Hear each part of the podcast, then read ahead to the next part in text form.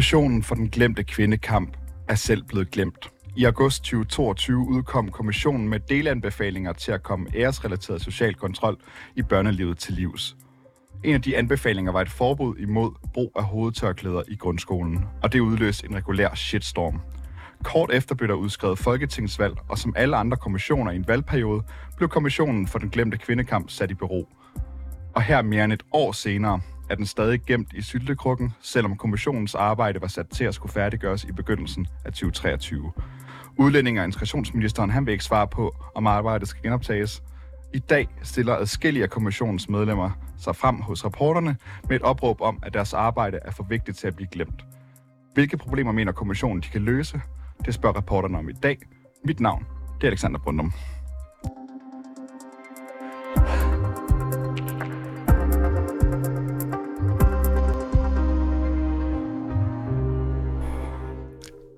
Kommissionen for den glemte kvindekamp blev sat i bero, der handlede dens arbejde om, hvordan vi som samfund kan komme æresrelateret social kontrol i børnelivet til livs. Hvis kommissionen bliver genoptaget, så skal den handle om ungdoms- og voksenlivet. Sofie Danneskjold Samsø, hun er lektor på Københavns Professionshøjskole, og så er hun ekspert i æresrelateret social kontrol, og ikke mindst medlem af kommissionen for den glemte kvindekamp. Hun peger på fire konkrete punkter, hvor unge og voksne muslimske kvinder bliver begrænset i deres frihed. Ja, det der sker, når man øh, kommer ind i ungdomslivet, det er jo, at øh, kærlighedslivet kommer til at spille en rolle. Og det er især i forhold til kærlighedslivet, at øh, øh, social kontrol bliver sat ind. Øh, fordi øh, piger og øh, kvinder, som vi har med at gøre her.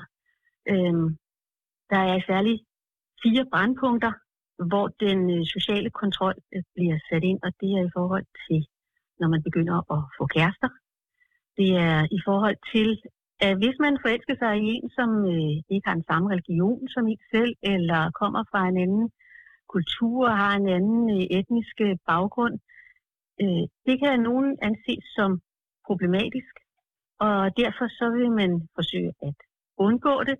Øh, der vil social kontrol typisk blive sat ind for at undgå det. Der vil blive lagt et pres på den unge for at stoppe den øh, øh, relation, øh, eller også allerede forebyggende, inden man går ind i sådan en relation, gør øh, de unge øh, meget bevidst om, at de skal finde en partner inden for egne rækker. Et fjerde brandpunkt er homoseksualitet. Altså det, hvis man danner par med en af sit eget køn, det er også anset i æreskulturelle miljøer for problematisk, øh, så der bliver også sat ind med social kontrol der. Og det sidste brandpunkt er skilsmisse, øh, som er stigmatiserende øh, generelt set, og særligt for kvinder. Så det er sådan fire områder, som, øh, som jeg synes, at øh, der er behov for at finde øh, nogle løsninger på, og hvor vi i kommissionen øh, kunne have et øh, vigtigt arbejde at gøre. Og du er jo øh, selv øh, forsker, men også lektor, det vil sige, du har jo også studerende, du underviser, og det du forsker i, der har du også øh, øh, direkte kontakt med unge, øh, og jeg går ud fra voksne minoritetskvinder. Har du nogle eksempler på, på nogle af de her fire brandpunkter i forhold til dine studerende, eller noget, du har forsket i?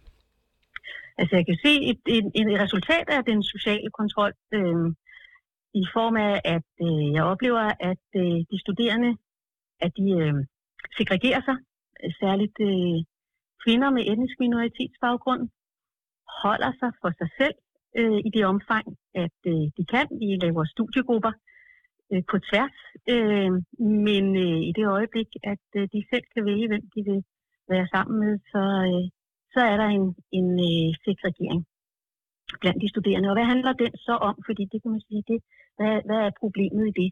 Men når man kender noget til social kontrol, så øh, ved man også, at øh, det er vigtigt, at øh, der ikke bliver skabt en mistanke om, at unge kvinder har øh, samvær med unge urelaterede mænd, eller mænd i det hele taget, som de ikke er i nær familie med. Øh, så det er vigtigt at holde afstand til det andet køn, det er vigtigt at holde afstand til majoritetsdanskere, som i nogle øjne kan øh, opleve et udsvævende liv i forhold til at have fester og kærester og sex, alkohol og sådan nogle ting. Og, og nogen vil måske sige, at øh, sådan noget med den danske alkoholkultur, og måske endda øh, frisindighed i forhold til sex, øh, ikke nødvendigvis kun er en, er en god ting. Hvad er det, der skal løses i forhold til det med øh, og alkohol og, og sex blandt øh, etniske minoritetskvinder? Altså selvfølgelig øh, står det frit for, øh, om man har lyst til at gå til fest øh, og øh, drikke alkohol osv. Problemet er, hvis øh, det begrænser en, øh, fordi man ved, at der vil blive sladret om en. Man ved, at øh, der også kan vanke straf, når man kommer hjem, hvis det rygtes, at man er blevet set til en fest. Der bliver det jo et, et problem for dem, men det bliver jo også et problem for uddannelsesstederne øh, og samfundet i mere bred forstand, hvis vi øh, danner parallelt samfund på den her måde. Det kommer jo til at dræge uddannelsesstederne, at, øh, at der er en gruppe, som, som ikke deltager øh, i festerne og andre sociale arrangementer, hvor kønnene er øh, sammen i sådan en mere frit øh, socialt samvær som du siger, du, du, kan jo, du lægger mærke til, at nogle af dine studerende, de segregerer sig øh, efter etnicitet, øh, især kvinderne. Øh, og det er noget, du sådan har lagt mærke til. Er der nogen af dine studerende, der har henvendt sig direkte til dig og, og fortalt om noget, de oplever i form af, øh, hvad kan man kalde det, æresrelateret social kontrol? Ja, altså jeg underviser i det emne og socialt arbejde i relation til æresrelateret vold og social kontrol.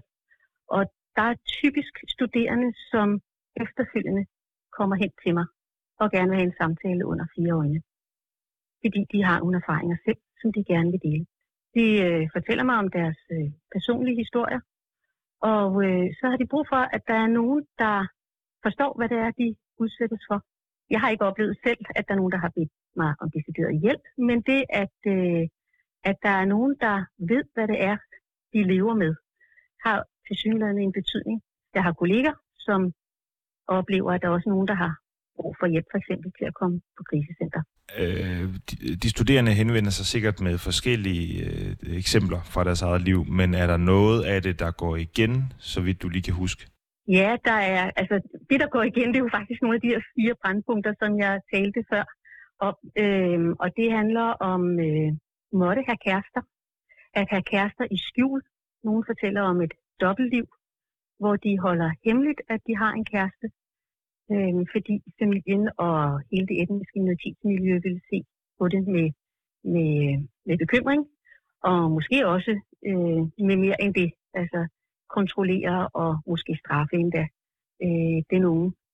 Øh, og det betyder, at man holder det hemmeligt, og det er meget belastende at øh, leve et øh, dobbeltliv, hvor man hele tiden skal frygte for, at der er nogen, der opdager, øh, hvad man har gang i.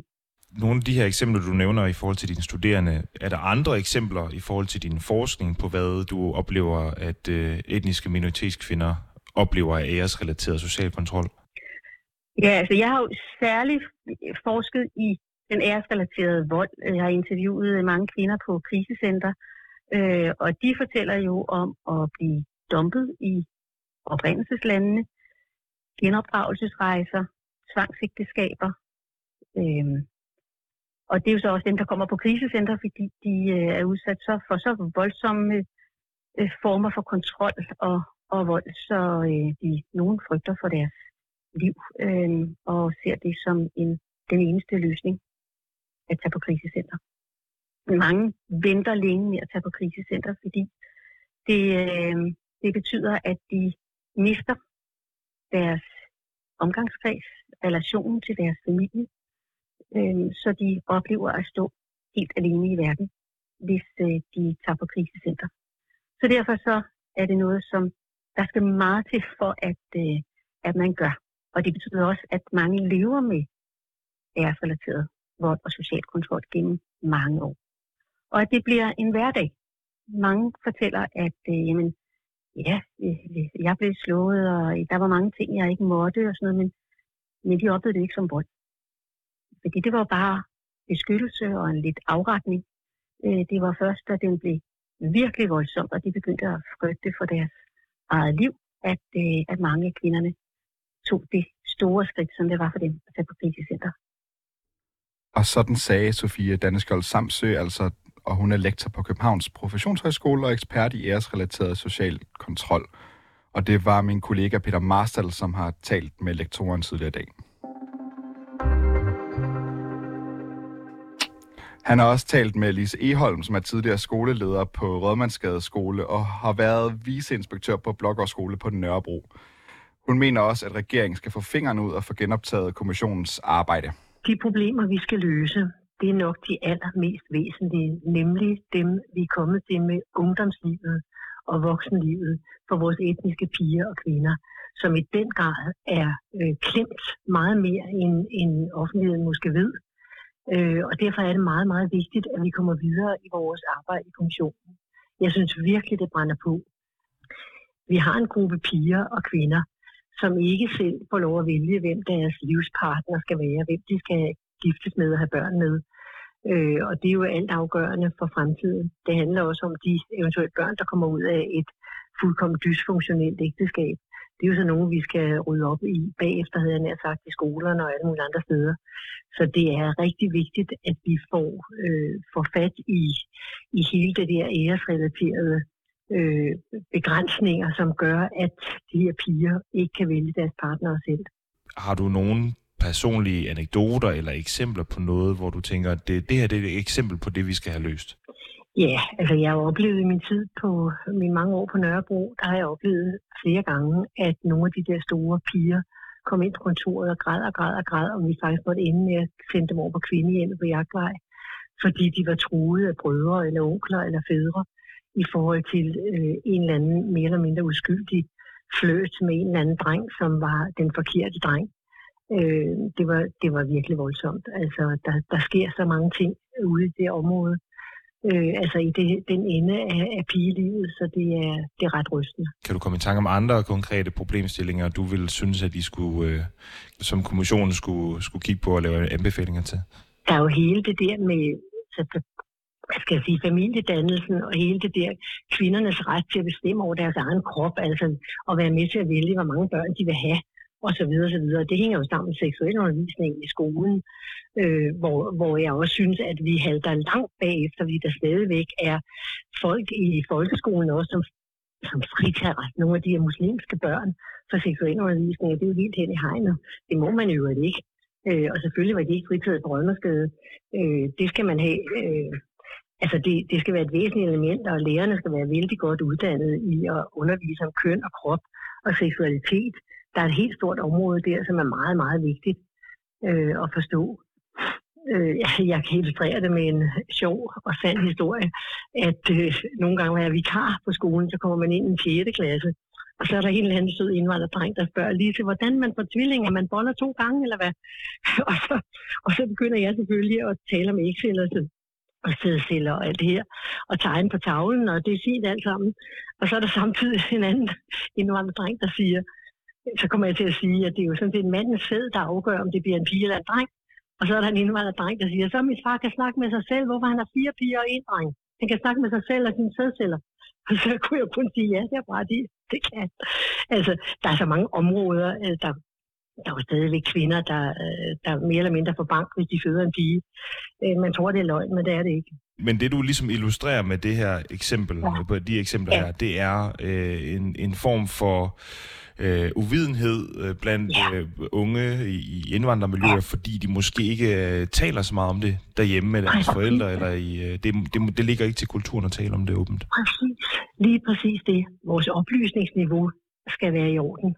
Og derfor skal vi lade være med at, at, at friholde i misforstået tolerance, eller hvad pokker det er, og fritage dem for alt muligt. Det er jo noget vrøvl og sludder. Det skal vi ikke. Hele det her handler jo om, at vi skal have ændret nogle synspunkter. Vi skal have masseret nogle af vores holdninger i det her samfund ind i en gruppe mennesker. Altså, at vi har øh, et demokratisk øh, samfund, og at vi har frie valg og alle de her ting det er jo det, vi skal opdrage dem til. Derfor synes jeg jo, at børnelivet og skolelivet er så vigtigt. For det er der, vi kan massere tingene ind. Så kære regering, tag jer nu sammen, og så lad os komme videre og få lavet noget ved det her. Og Lise Eholm, hun er altså forhåndværende leder af Rødmandsgade skolen og forhåndværende viceinspektør på Blågårds skole på Nørrebro. Reporter Peter Marston, han fangede også Røya Moore, der er medlem af Odense Byråd for konservativ, og så arbejder hun blandt andet som etnisk konsulent i Odense Kommune. Ifølge Røya, der er den negative sociale kontrol et stort problem for muslimske kvinder i forhold til at komme på arbejdsmarkedet. Hvis vi for eksempel tager øh, voksne gruppe øh, kvinder, så er det den øh, øh problemstilling, som øh, vi også hører, og øh, øh, erfaringerne viser, at øh, de bliver øh, begrænset i forhold til deres deltagelse i det danske samfund. Øh, de får ikke lov til at øh, øh, komme i arbejde.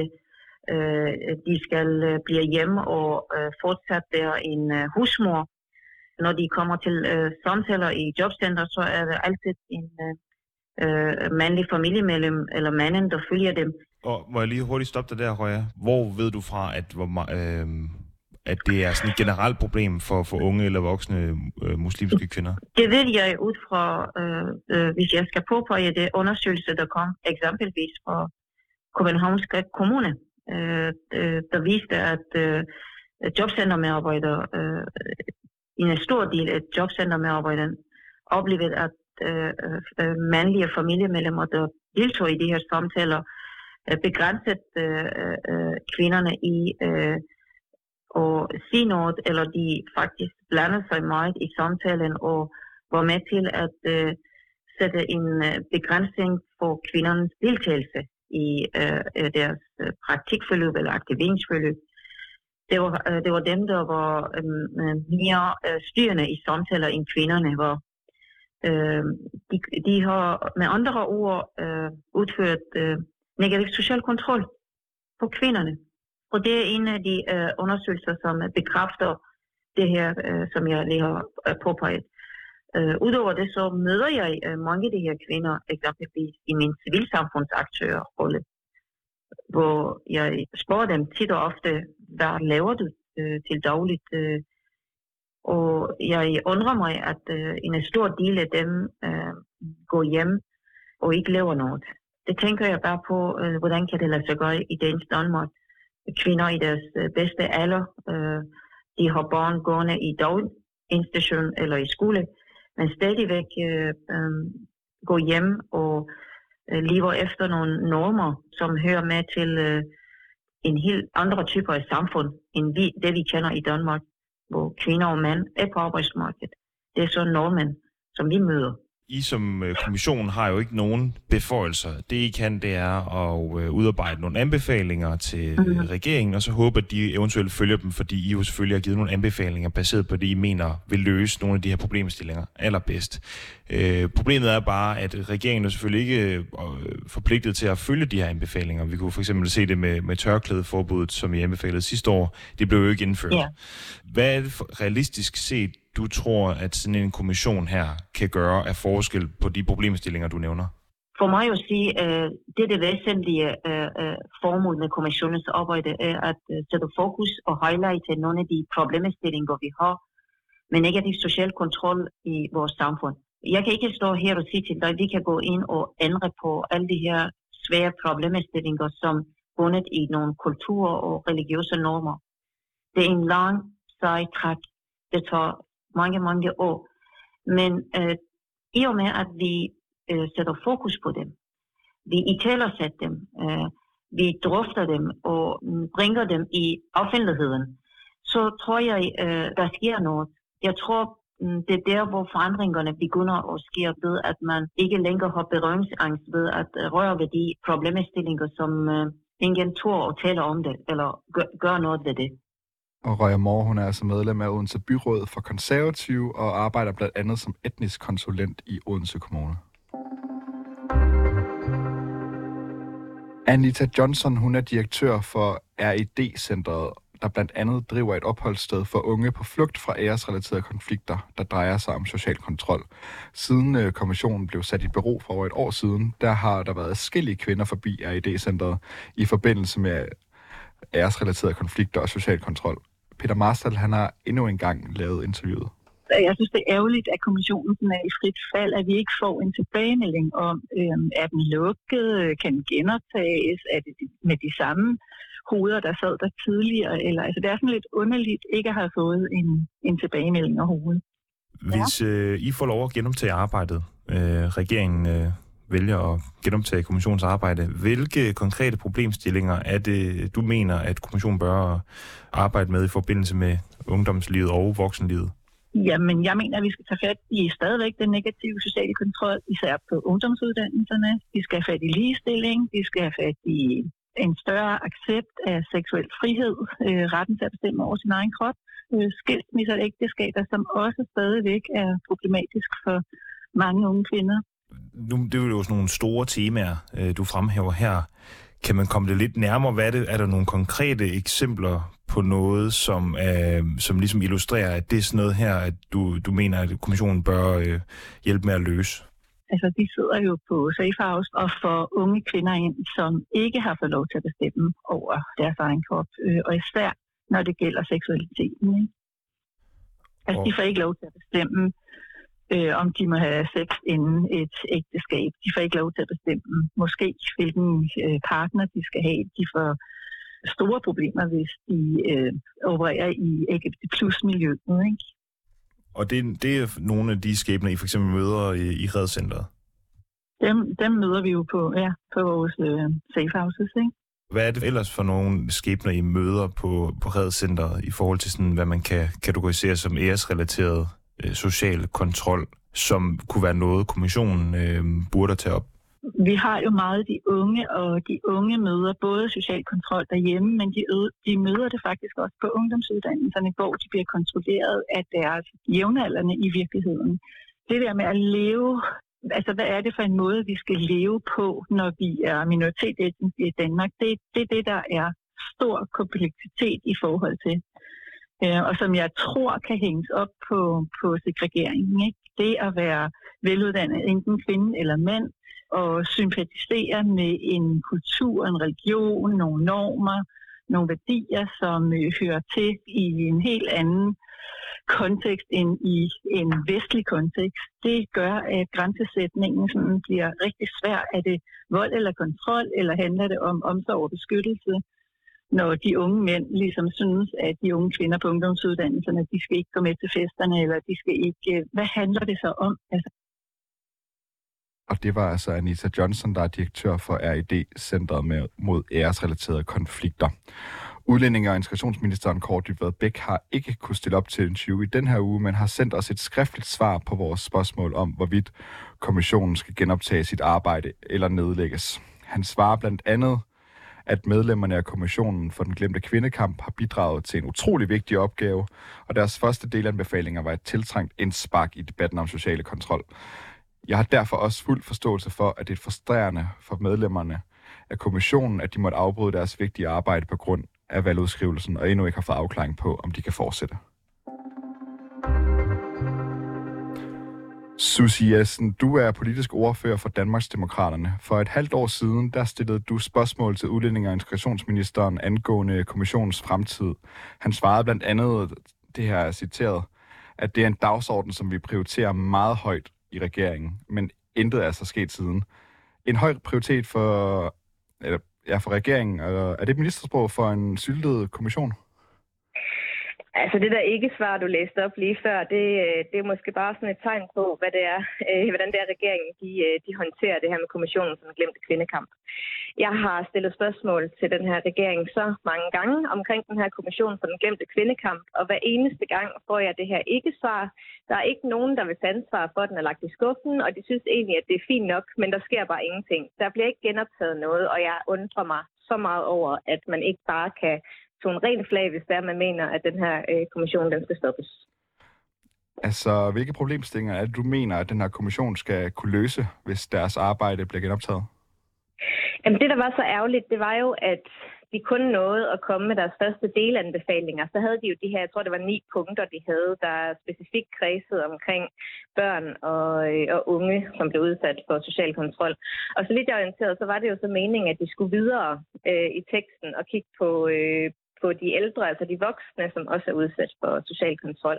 Så de blev jo afbrudt midt i deres arbejde, hvor de slet ikke var færdige, og det er rigtig, rigtig ærgerligt, fordi jeg synes, det er så vigtigt, at vi kommer omkring den her problemstilling og prøver på at finde ud af, hvordan vi kan, vi kan hjælpe de her øh, kvinder mest muligt. Altså man kan jo bare tage en tur ud til krisecentrene for at øh, se med sine egne øjne, hvor mange etniske minoriteter, der er derude, som er flygtet fra et totalt forfærdeligt liv, ja. som vi bare ikke kan have her i Danmark. Susie Jessen, altså for et år siden, der udkom kommissionen med de her ni øh, delanbefalinger, altså for de unge piger i grundskolen. En ja. af dem var, at forbud mod hovedtørklæder i skolen ligesom skulle forbydes. Eller det skulle, ja. der skulle et forbud til. Og det blev for eksempel ikke vedtaget af regeringen. Altså, er det overhovedet sikkert, at kommissionens arbejde kommer til at gøre en forskel? Jamen, altså, det kommer også ikke til at gøre en forskel, hvis de ikke får lov til at få det genoptaget i hvert fald. Men jeg kan da huske, der lå en masse andre delanbefalinger, som man jo også godt kan kigge ind i. Der var det her med, med sundhedsplejerskerne blandt andet, hvor det er, at man kan have en ekstra opmærksomhed omkring social kontrol, når man kommer ud i hjemmene hos de her kvinder, som har fået, øh, fået små børn. Der er jo mange, mange greb, man kan tage. Øh, lige præcis det her i forhold til, til tørklædet har vi jo så også stillet et beslutningsforslag om altså et tørklædet forbud for elever i grundskolen. Og der, øh, der stemte øh, regeringen så øh, imod. Det er jo ikke ens betydende med, når man øh, nedsætter en kommission, at man så behøver en til en at, at tage deres politik og gøre det til politik. Det har vi jo set flere gange. Men jeg synes, det er vigtigt, at når man nedsætter en kommission, at man så også øh, sparker den i mål, og især når det handler om det her. Ja. Altså nu har regeringen ligesom vist med første øh, del af anbefalinger, at det er ikke sådan som du selv siger, man behøver ikke stemme det her igennem, de har ikke vist villighed til det. Risikerer man ikke bare at smide nogle penge ud af vinduet øh, på endnu flere delanbefalinger, som ikke vil blive fuldt op på? Jamen altså, det kommer jo an på, hvor alvorligt man vil tage det her. Det kan da godt være, at det, det er det, som regeringen går og tænker nu, at de ikke vil fortsætte den her kommission, simpelthen fordi, at øh, med den regeringssammensætning, der er i dag, så vil de ikke kunne komme i mål med nogle af de anbefalinger, som kommissionen kommer med. Det kan da sagtens være, at de har de tanker. Men jeg synes også bare, det vil klæde regeringen at gå ud og melde klart flag her. Hvem er det i regeringen, der har stoppet den her kommission? Hvorfor ligger den stadig i skuffen? Det kan vi ikke få et svar på, og det synes jeg ikke klæder dem. Og det giver god mening. Hvad hedder det? Bare nu kommer jeg lige et kort spørgsmål. Ja. Øh, og et kort svar for dig forhåbentlig også, fordi vi har løbet tør for tid. Øh, du tager ja. til samråd med udlænding- og integrationsministeren og ligestillingsministeren her i morgen om social kontrol, hvor blandt andet kommissionen for den glemte kvindekamp bliver et tema. Hvad er det vigtigste, du gerne vil få svar på? Jamen, jeg vil gerne have et svar på, hvad regeringen har tænkt sig at stille op med den sociale kontrol, der er i øjeblikket i Danmark. Vi har hen over sommeren også set en, en stor artikelserie om det samme, hvor vi har set, hvor voldsomme de her øh, problemer er med social kontrol og ærestraf. Og jeg ser og... ingen handling fra regeringen. Ingen. Og det noterer vi her, Susie, Jens, Susie Jessen, politisk ordfører for Danmarks Demokraterne. Vi har også spurgt regeringspartiernes udlændinge- og integrationsordfører, om kommissionen skal genoptages eller nedlægges. Det har ikke vendt tilbage på vores henvendelser. Tak fordi I lyttede med til rapporterne i dag. Har du noget, som vi skal undersøge, eller ris eller ros, så kan du altid skrive til os på rapporterne, snablag 247.dk. Bag dagens udsendelse er Peter Marstad og Tog Gripping. Mig Linda Urban Kutschi er producer. Mit navn er Alexander Brundum. Mille Ørsted er redaktør.